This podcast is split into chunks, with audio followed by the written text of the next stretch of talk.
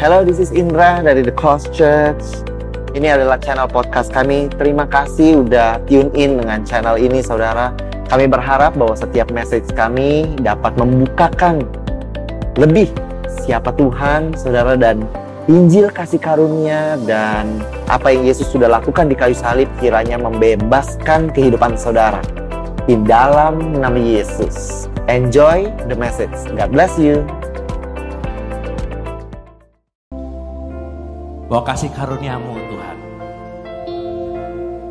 tidak berdasarkan kekuatan kami. Bahwa hari ini kami bisa worship you terlepas dari apa dosa kami terlepas dari apa kelemahan kami terlepas dari apa yang kami lakukan sehari-hari.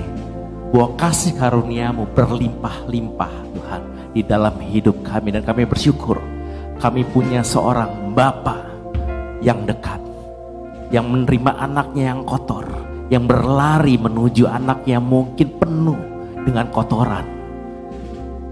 Kami bisa layak hadir di rumahmu, bukan karena kami layak, tapi karena engkau yang layakkan kami.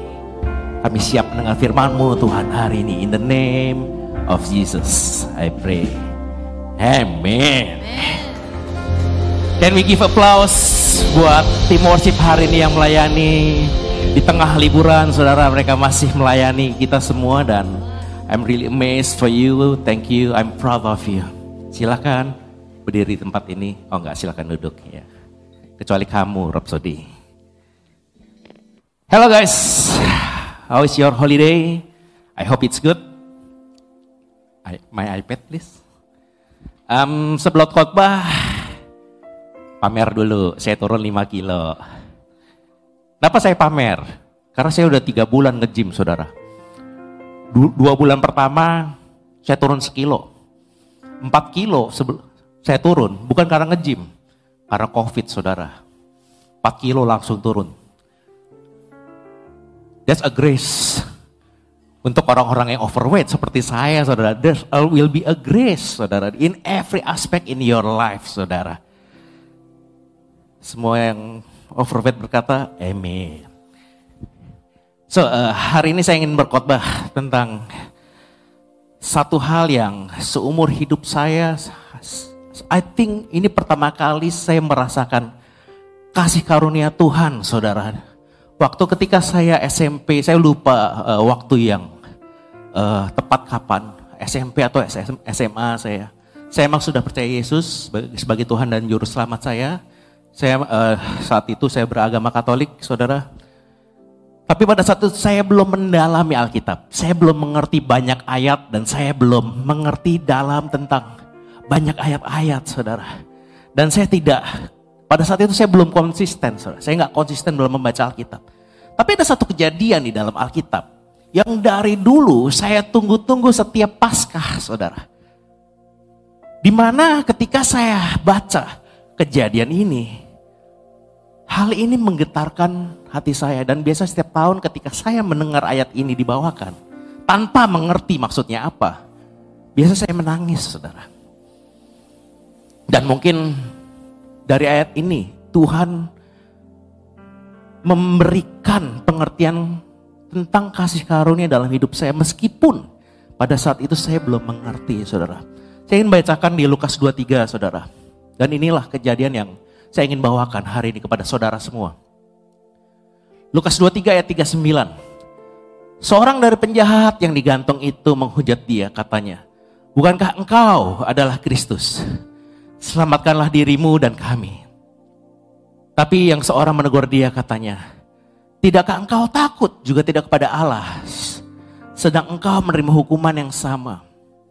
Kita memang selayaknya dihukum, sebab kita menerima balasan yang setimpal dengan perbuatan kita.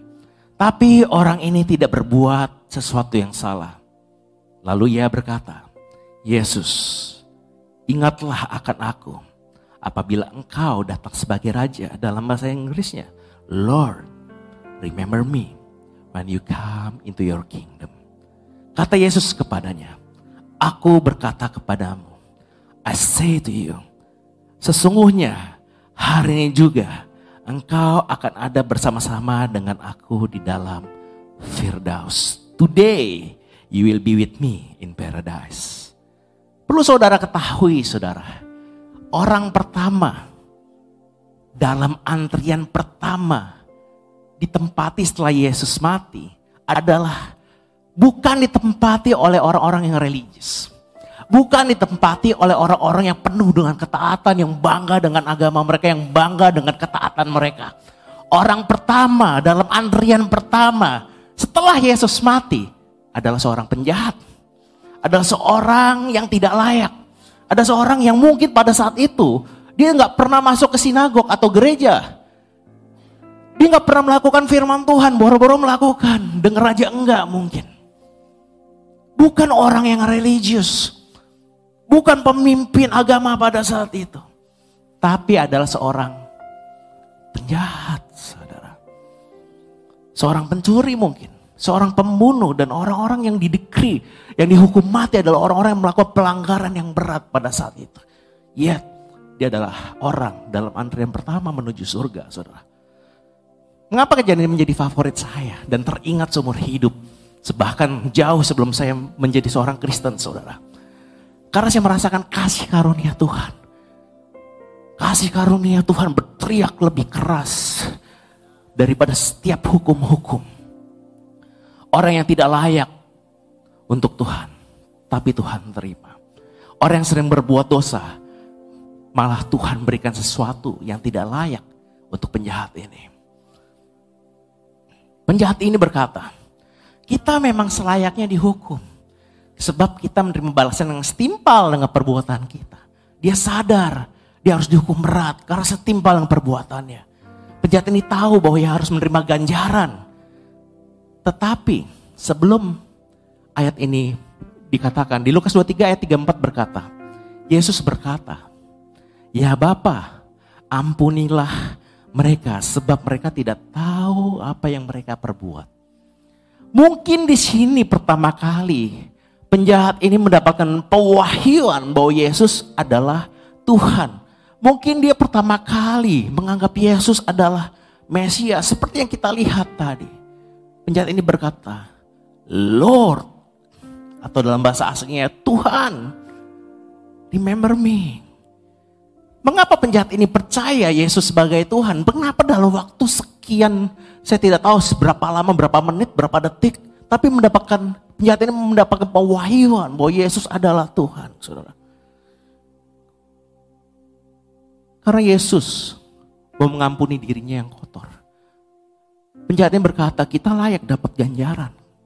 Tapi Yesus berkata, aku mau ampuni kamu. Mungkin di luaran sana, saudara. Tidak ada satu hukum pun yang bisa memaafkan penjahat ini. Tapi ketika penjahat ini ada di kayu salib, dia melihat di salib, di salib sebelahnya. Hei, dia mau terima aku. Dia mau maafin aku. Penjahat ini gak sempat memperbaiki dirinya. Tapi Yesus mau terima penjahat ini. Yesus berdoa, ya Bapa, ampunilah mereka sebab mereka tidak tahu apa yang mereka lakukan. Tapi tahukah saudara, ada sebuah ayat, beberapa ayat to be exact. Yang sangat kontras dengan kejadian ini saudara. Kita bacakan saudara. Dan ayat ini membuat hati saya bergetar. Bukan karena damai tapi karena takut. Matius 7 ayat 21 sampai 23. Bukan setiap orang, not everyone, yang berseru kepadaku, Tuhan, Tuhan, akan masuk ke dalam kerajaan surga. Melainkan dia yang melakukan kehendak Bapakku yang di surga. Pada hari terakhir banyak orang yang berseru kepadaku, Tuhan, Tuhan, Lord, Lord. Bukankah kami bernubuat demi namamu dan mengusir setan demi namamu dan mengadakan banyak mukjizat demi namamu juga? Pada waktu itulah aku akan berterus terang kepada mereka. Aku tidak pernah mengenal kamu. Nyala daripada aku. Kamu sekalian pembuat kejahatan Garis bawahi kata bukan setiap orang. Artinya dari sekian banyak orang yang berkata Tuhan, Tuhan. Ada sebagian yang tidak diterima di kerajaan surga. Dan di sini tulisnya ekstrim, saudara. Sebagian orang yang gak diterima dalam kerajaan surga adalah orang-orang yang bernubuat. Orang-orang yang mengusir setan. Orang-orang yang mengadakan mukjizat. Kamu gak bisa masuk kerajaan surga. Saudara bandingkan dengan penjahat tadi. Dia berkata, Lord, dengan sekuat tenaga karena dia sudah mau mati. Dengan orang-orang yang memanggil Tuhan, Tuhan dengan semangatnya. Tapi Tuhan memberikan penjahat ini sebuah pengampunan dan diterima. Tapi penja tapi orang-orang yang bernubuat tadi, Tuhan nggak terima, saudara. Penjahat tadi boro-boro bernubuat, boro-boro mukjizat. Dengan firman Tuhan aja nggak pernah. Tapi kenapa Tuhan terima, saudara? Terus lebih parahnya lagi, saudara. Kalau saudara lihat orang-orang yang bernubuat, orang-orang yang mengadakan mukjizat, bangkitin orang mati, sembuhin orang, sembuhin orang sakit, saudara. Tuhan sebut sebagai pembuat kejahatan. Something wrong here. Mengapa ini Tuhan? Apa mereka mereka ini kurang apa? Kalau mereka yang sedemikian udah wow, apalagi gua ya yang gak pernah ngadain mukjizat ya. Wah ini udah pasti neraka ini. Apakah kita harus sempurna? Wah nggak boleh, nggak boleh melakukan kesalahan sedikit pun. Kalau nggak disebutnya pembuat kejahatan. Let's say kita berbuat kesalahan atau kita berbuat jahat tanpa disengaja. Seperti yang saya lakukan, saudara. Saya ingat benar tanggalnya 18 Desember 2022. Saya nggak sengaja melakukan kejahatan di gereja, saudara. Hari itu saya uh, bantu asyir, saudara saya salamin setiap orang, halo selamat datang, halo selamat datang, welcome. Dan semua masih pada pakai masker pada saat itu. Saya nggak pakai saat itu. Lalu ada seorang wanita, saudara, dengan maaf sedikit berbadan gempal, saudara. Dan saya sepertinya tahu wanita ini. Tapi jauh lebih kurus. Lalu saya berbicara sama dia, oh gila, how are you? Dia dia pakai masker saudara, jadi saya nggak bisa lihat dengan jelas dan apalagi gereja gelap gitu. Apa kabar? Gila kurusan banget kamu, turun berapa kilo? Terus wanita ini ngeliat ke arah saya dari atas ke bawah. Terus dia lari ke depan, duduk saudara. Saya baru sadar saudara, setelah berapa detik saya amati. Itu bukan orang yang saya kenal saudara. Dan saya nggak lihat wanita itu sampai hari ini, ini pendeta apaan gitu ya. Kominim berat badan dan Don't mention sebuah berat badan kepada seorang wanita. Saya nggak tahu apakah wanita ini berada di antara Anda semua. Kalau ada, tumpangkan tanganmu di dada. I'm very sorry, saudara. I don't know about you, saudara. Kita kadang berbuat kejahatan yang membuat orang lain terluka, saudara, berbuat dosa atau kesalahan. Baik itu disengaja maupun tanpa disengaja, saudara. Tapi kita bahas sedikit tentang kata, kita belajar sedikit tentang kata pembuat kejahatan. Atau bahasa aslinya adalah anomia. Anomia ini mempunyai root kata anomos. A artinya kalau saudara pelajari bahasa Greek saudara, A adalah without. Anonymous misalnya, orang yang tidak tanpa identitas. A itu adalah tanpa. Nomos mempunyai arti sebuah hukum yang menghasilkan approval dari Tuhan. Jadi artinya pembuat kejahatan adalah orang yang tanpa hukum yang bisa mendapatkan approval dari Tuhan. Karena orang ini tanpa sebuah elemen yang bernama hukum, dalam kasus ini bukan hukum Taurat, tapi sebuah elemen tanpa elemen ini, saudara tidak bisa diterima, tidak bisa mendapatkan approval dari Tuhan. Jadi harus ada hukum di dalam saudara supaya saudara bisa mendapatkan approval dari Tuhan, saudara. Dan saya ingin bahas kata kehendak. Tadi perhati, saudara perhatikan ayat 21. Bukan setiap orang yang berseru pada Tuhan, Tuhan akan masuk ke dalam kerajaan surga. Melainkan dia yang melakukan kehendak kehendak atau dalam bahasa alat uh, Greeknya adalah lima. Dan saudara kalau saudara perhatikan di dalam bahasa Greek asli, saudara bisa Mengetahui bahwa arti kata telima ini adalah the purpose of God. To bless mankind through Christ. Saudara harus melakukan kehendak supaya saudara mendapatkan approval. Saya ingin jelaskan lebih dalam, saudara. Di dalam uh, ayat tadi, saudara, kata telima, anomos, anomia, saudara bisa dapatkan dalam satu perikop. Ada satu perikop lagi yang saudara bisa temukan. Dua elemen tadi ditemukan dalam satu perikop. Saya ingin bacakan di Ibrani 10, saudara. Dan karena kehendaknya, di lima, inilah kita telah dikuduskan satu kali untuk selama-lamanya oleh persembahan tubuh Kristus. Lalu saudara baca ayat 16. Sebab setelah ia berfirman, Inilah perjanjian yang kuadakan dengan mereka sesudah waktu itu. Ia berfirman, Aku akan menaruhkan hukumku. Nomos.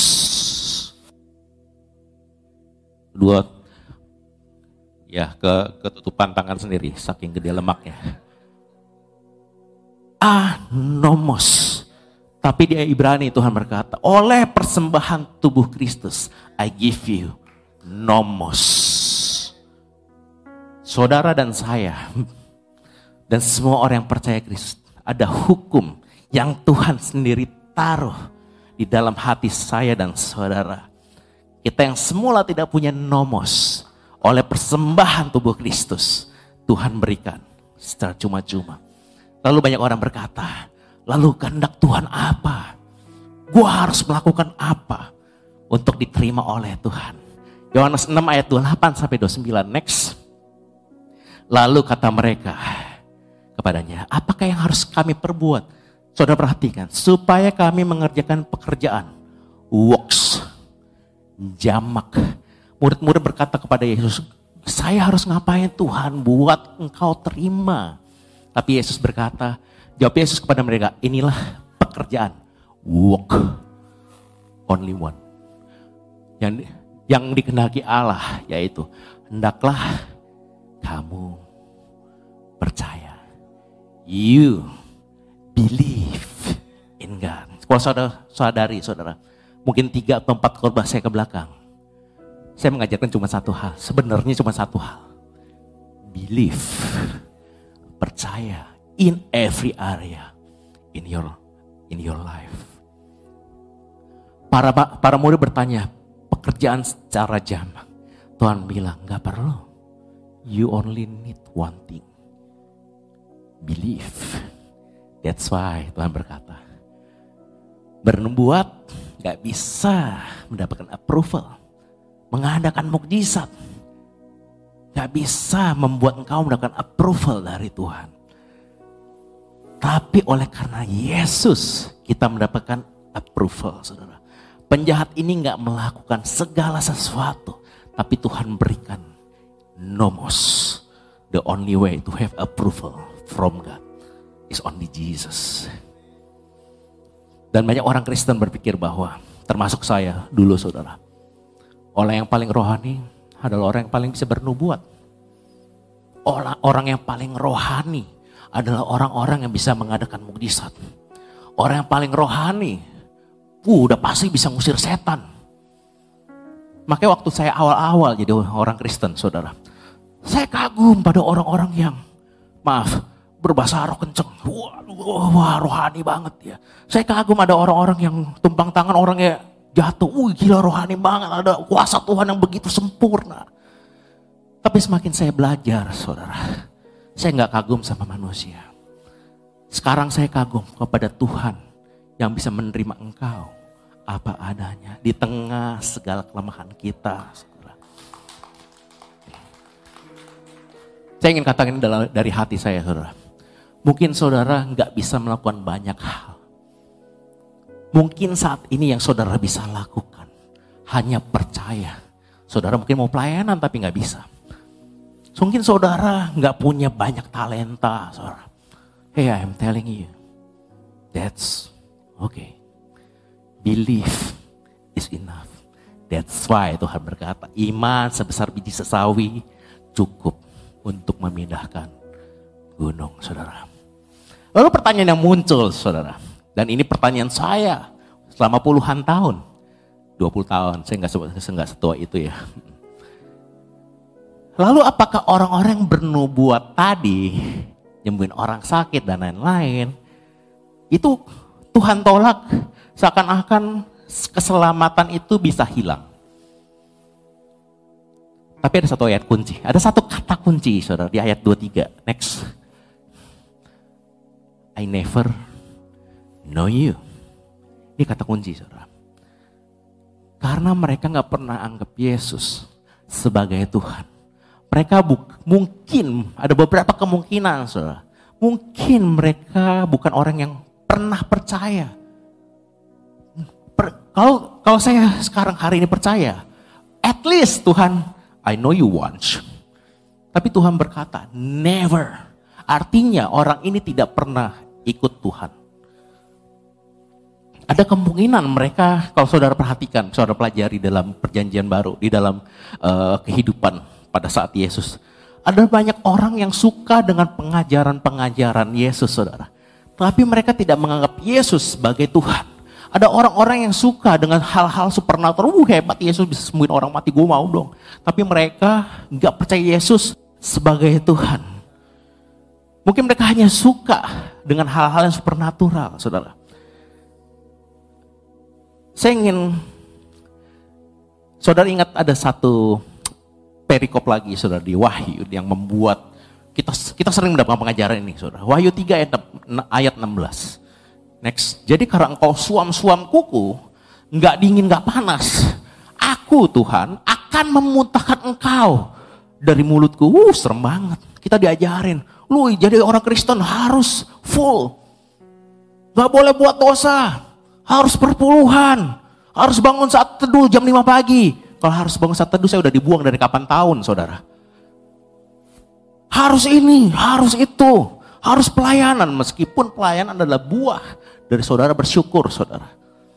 Dan Yesus eh, Tuhan berkata di jemaat di Laodikia. Ayat ini Tuhan tujukan kepada jemaat di Laodikia. Jadi apa maksud ayat ini saudara? Di Laodikia banyak orang yang datang ke sinagog. Mereka suka dengan berkumpul dengan orang-orang percaya, dengan orang-orang Kristen. Tapi mayoritas, kalau saudara belajar sejarah, oke, okay, saudara belajar saudara Laodikia, kota kuno pada saat itu. Kota itu mayoritas agamanya adalah pagan. Mereka percaya Zeus. Mereka percaya dewa-dewa Yunani pada saat itu. Jadi mereka punya pola pikir, oh ya udah, gue punya dewa kan banyak, ya udah tambahin Yesus satu. That's why itu satu. Di saat yang sama, kota Laodikia adalah kota yang sangat kaya karena mereka adalah kota dagang. Jadi mereka mengandalkan diri mereka juga dari emas yang begitu berlimpah ruah di kota itu. Dan mereka tidak percaya Tuhan sebagai Tuhan satu-satunya di dalam hidup mereka. That's why Tuhan berkata, aku gak pernah kenal kamu. Karena untuk melakukan hal-hal supernatural, ingat Yesus pernah memberikan otoritas kepada murid ke-12 muridnya untuk menyembuhkan orang sakit termasuk Yudas. Dan Yudas pada saat itu hanya percaya Yesus sebagai guru, bukan sebagai Tuhan, Saudara. So it makes sense. Sangat kontras dengan penjahat tadi. Mereka banyak waktu. Orang-orang yang masuk, yang tolak, Tuhan tolak, mereka banyak waktu, mereka banyak kesempatan untuk mereka bisa percaya Yesus. Tapi penjahat ini di waktu detik-detik terakhir yang tidak banyak. Dia percaya Yesus. Dan Yesus terima. Tapi saudara lihat apa yang penjahat ini minta saudara. Dia hanya minta diingat. Remember me Tuhan. Mengapa dia hanya ingin diingat saudara? Karena orang yang disalib, mayat mereka dibuang di sungai, atau di sebuah pit kuburan massal dan tidak ada satupun yang akan ingat mereka. Tidak ada satupun yang berani menurunkan mereka di atas salib lalu menguburkan secara pribadi kecuali Yesus. Tapi kita lihat ketika penjahat ini minta, remember me. Yesus berkata kepada orang ini, pada penjahat ini, Aku berkata kepadamu, assuredly I say to you, bahasa aslinya amen, assuredly amen, pasti. Yang sesungguhnya today, hari ini juga, engkau akan bersama-sama dengan aku di dalam Firdaus. Today you will be with me in paradise. Penjahat ini hanya untuk, yang minta untuk diingat. Penjahat ini hanya minta kingdom. Penjahat ini hanya untuk dimi, uh, hanya hanya diminta untuk diingat saudara. Tapi Yesus berkata kamu akan ada bersama-sama dengan aku in paradise saudara. Penjahat ini dalam versi Inggris berkata remember me when you enter your kingdom. Artinya penjahat, penjahat ini meminta kingdom. Tapi Yesus berkata paradise. Oke okay, kingdom tapi Tuhan berikan paradise kingdom refer kepada sebuah kedaulatan Tuhan, kekuasaan Tuhan over the land, over the bahwa Tuhan yang menguasai ini semua. Dia penjahat ini hanya minta kingdom. Paradise adalah sebuah tempat yang sempurna di dalam kingdom, saudara. Kalau saya ingin uh, bagikan secara sejarah, saudara Bangsa Persia pada saat itu mempunyai sebuah garden. Sebuah garden di dalam kerajaan Persia yang sangat sempurna karena di dalam di dalam uh, garden itu, di dalam paradise itu, saudara. Segala sesuatu di, uh, kebutuhannya di-provide oleh sang raja. Biasanya orang-orang yang di-invite ke garden ini adalah tamu-tamu kehormatan. Dan sang raja akan berjalan bersama tamu kehormatan ini dan ketika orang ini ada di paradise, di dalam Eden, di dalam kebun Persia pada saat itu, segala kebutuhan dia akan dipenuhi. Tidak ada tangis, tidak ada kesedihan. Everything is perfect, saudara. Saudara ingat doa Bapak kami, datanglah kerajaanmu di bumi seperti di surga. Dan saudara bisa merasakan kingdom, kingdom of God Tuhan Yesus pernah berkata, the kingdom of God is inside your heart. There will be a provision. There will be a blessing. But kita ketika tinggal di dalam bumi, saudara, masih ada tangisan. Masih ada struggle. Kita masih perlu memikirkan segala sesuatu. But once ketika kita meninggal, saudara, we will be in paradise. Tempat yang paling sempurna untuk saya dan saudara. Segala sesuatu kebutuhan saudara akan terpenuhi. Tidak ada tangis, tidak ada tawa, eh tidak ada tawa, no. Tidak ada kesedihan. Penjahat ini hanya minta kingdom. Tapi Tuhan berikan, today you will be in paradise. Sebuah tempat kehormatan di dalam kerajaan. Next. Saudara perhatikan apa yang penjahat ini, bukan next. Ini nggak kepake. Penjahat ini merefer sebuah waktu. Ketika engkau masuk ke dalam kerajaanmu Yesus, ketika artinya there is a distant time. Kurang lebih kalau saya jelaskan, yang nanti kalau kita udah punya uang, kita ke Eropa ya. Gak tahu kapan, tapi nanti. Sama, Tuhan ketika engkau masuk, jangan lupa gua ya. Tuhan berkata, today Penjahat ini ingin diingat, you will be with me. Penjahat ini hanya minyak kingdom. Tuhan berikan paradise, saudara. Artinya apa, saudara? Untuk ukuran seorang penjahat, Tuhan juga berikan sesuatu yang lebih dari apa yang dia minta, saudara. Saya ingin bacakan Roma 5 ayat 20. Tapi hukum Taurat ditambahkan supaya pelanggaran menjadi semakin banyak dan di mana dosa pertama banyak di sana kasih karunia menjadi berlimpah-limpah dalam bahasa aslinya. Hyperperisio. Kalau saudara perhatikan di dalam bahasa Greek selalu dibaca terbalik. Hyperperisio grace. Hyper grace karena kasih Tuhan berlimpah-limpah dalam hidupmu terlepas dari apa yang kau lakukan terlepas dari engkau berdosa selama engkau percaya. Hyperperesio punya arti much more, abundantly. Banyak orang yang berkata, hati-hati dengan gereja grace, eh gereja hyper grace. Saudara bisa balas, saudara. Gak usah balas. Maksud saya, saudara bisa mengerti ayat ini. Bahwa kasih Tuhan is always hyper, saudara. Mungkin saudara bisa bilang, emang gereja lo gak hyper? Mungkin saudara bisa bilang seperti itu. Cuman jangan ya, gak boleh berdebat. Oke, okay? gak boleh berdebat. Oke, iyain aja. Oh, oh, oh. Tapi ada satu hal yang menyentuh hati saya, saudara, dalam kisah ini, saudara. Ada hal yang lebih indah yang saya sadari. Saudara perhatikan, penjahat ini gak punya sesuatu buat di offer Tuhan. He is empty handed, saudara. He has nothing to offer to God. Belum dulu ah, ini anti klimaks banget. Slide-nya, slide-nya. He has nothing to bargain to God. Dia nggak ngusir setan. Dia nggak bernubuat. That's why we can confidently berkata sama Tuhan, berkata sama diri sendiri, I'm empty handed, but I'm alive in your hand, saudara. Dan banyak dari saudara berpikir bahwa I have some, I, I must have something to offer first to God. Mungkin hari ini nggak ada yang kau bisa berikan kepada Tuhan. Mungkin hari ini dalam hatimu kau ingin berpuluhan, misalnya. Tapi saudara, saudara harus membiayai keluarga saudara. Saudara, kalau nggak dibiayai keluarga saudara mungkin nggak bisa hidup. Tapi hari ini Tuhan tetap lihat kamu.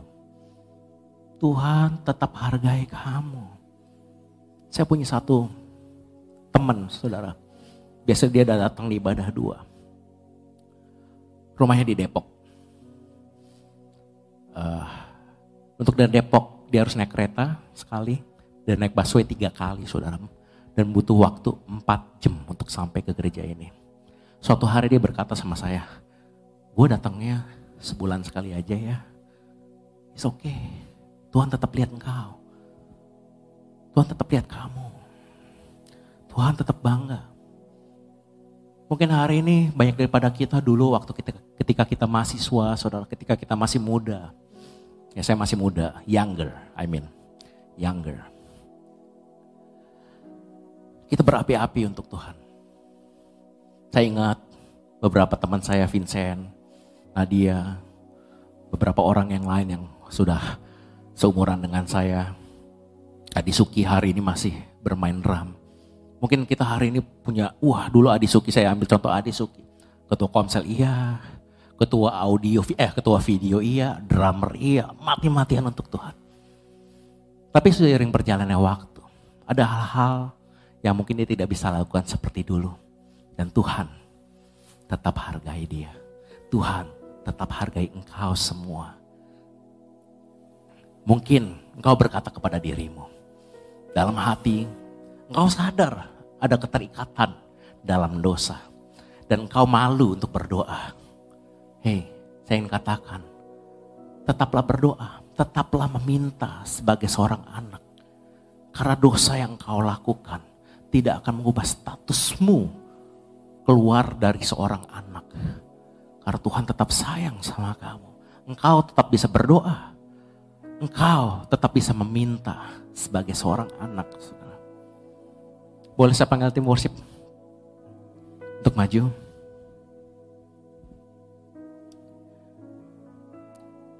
Dan setelah Yesus berkata demikian kepada penjahat tadi, Lukas 23 ayat 46. Boleh tampilkan ayatnya? Saya ingin bacakan bahasa Inggris. Jesus called out with a loud voice, Father, into your hands I commit my spirit.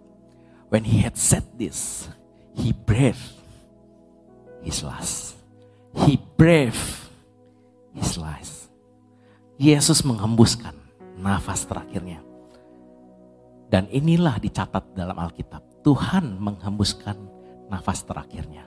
Saudara tahu dicatat di mana ketika Tuhan menghembuskan nafas pertamanya. Ketika manusia dari seorang debu, Dari sebuah debu, Tuhan berikan nafas pertama menjadi sebuah kehidupan. Tapi sayangnya Adam jatuh saudara. Dan hubungan yang sudah diberikan Tuhan, kehidupan yang sudah diberikan Tuhan dalam hal ini sebuah hubungan dengan Tuhan. Mati saudara. Dan ketika Yesus menghembuskan nafas terakhirnya, tetelestai, dia menghembuskan nafas terakhirnya. Dia memberikan kehidupan yang baru juga untuk saya dan saudara. Ada sesuatu yang dipulihkan.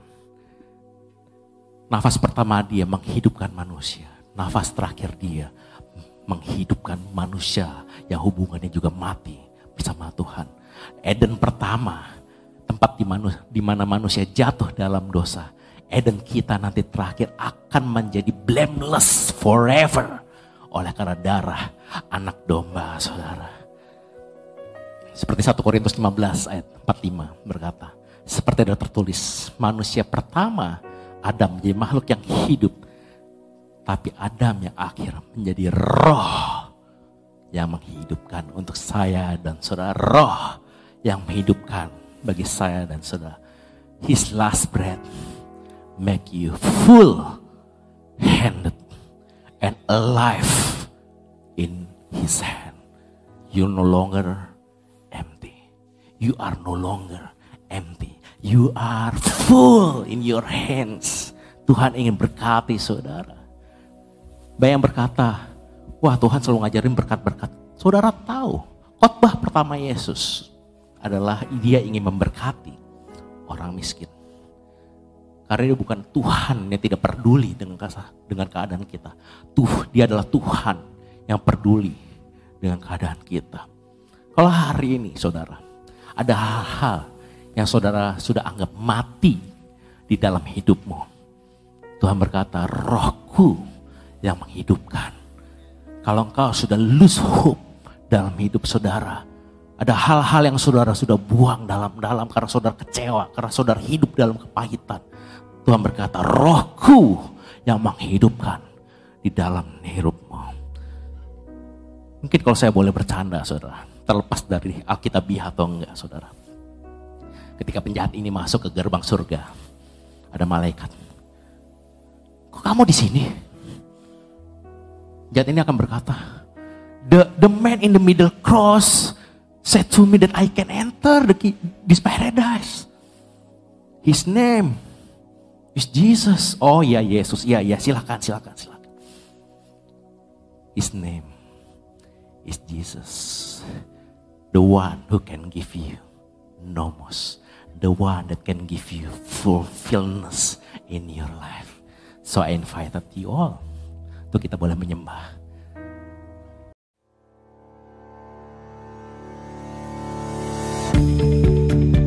Terima kasih lagi sudah mendengarkan episode ini saudara dari podcast ini. Thank you so much saudara. Saya berharap bahwa Injil kasih karunia dan apa yang Yesus sudah lakukan bisa membebaskan kehidupanmu saudara.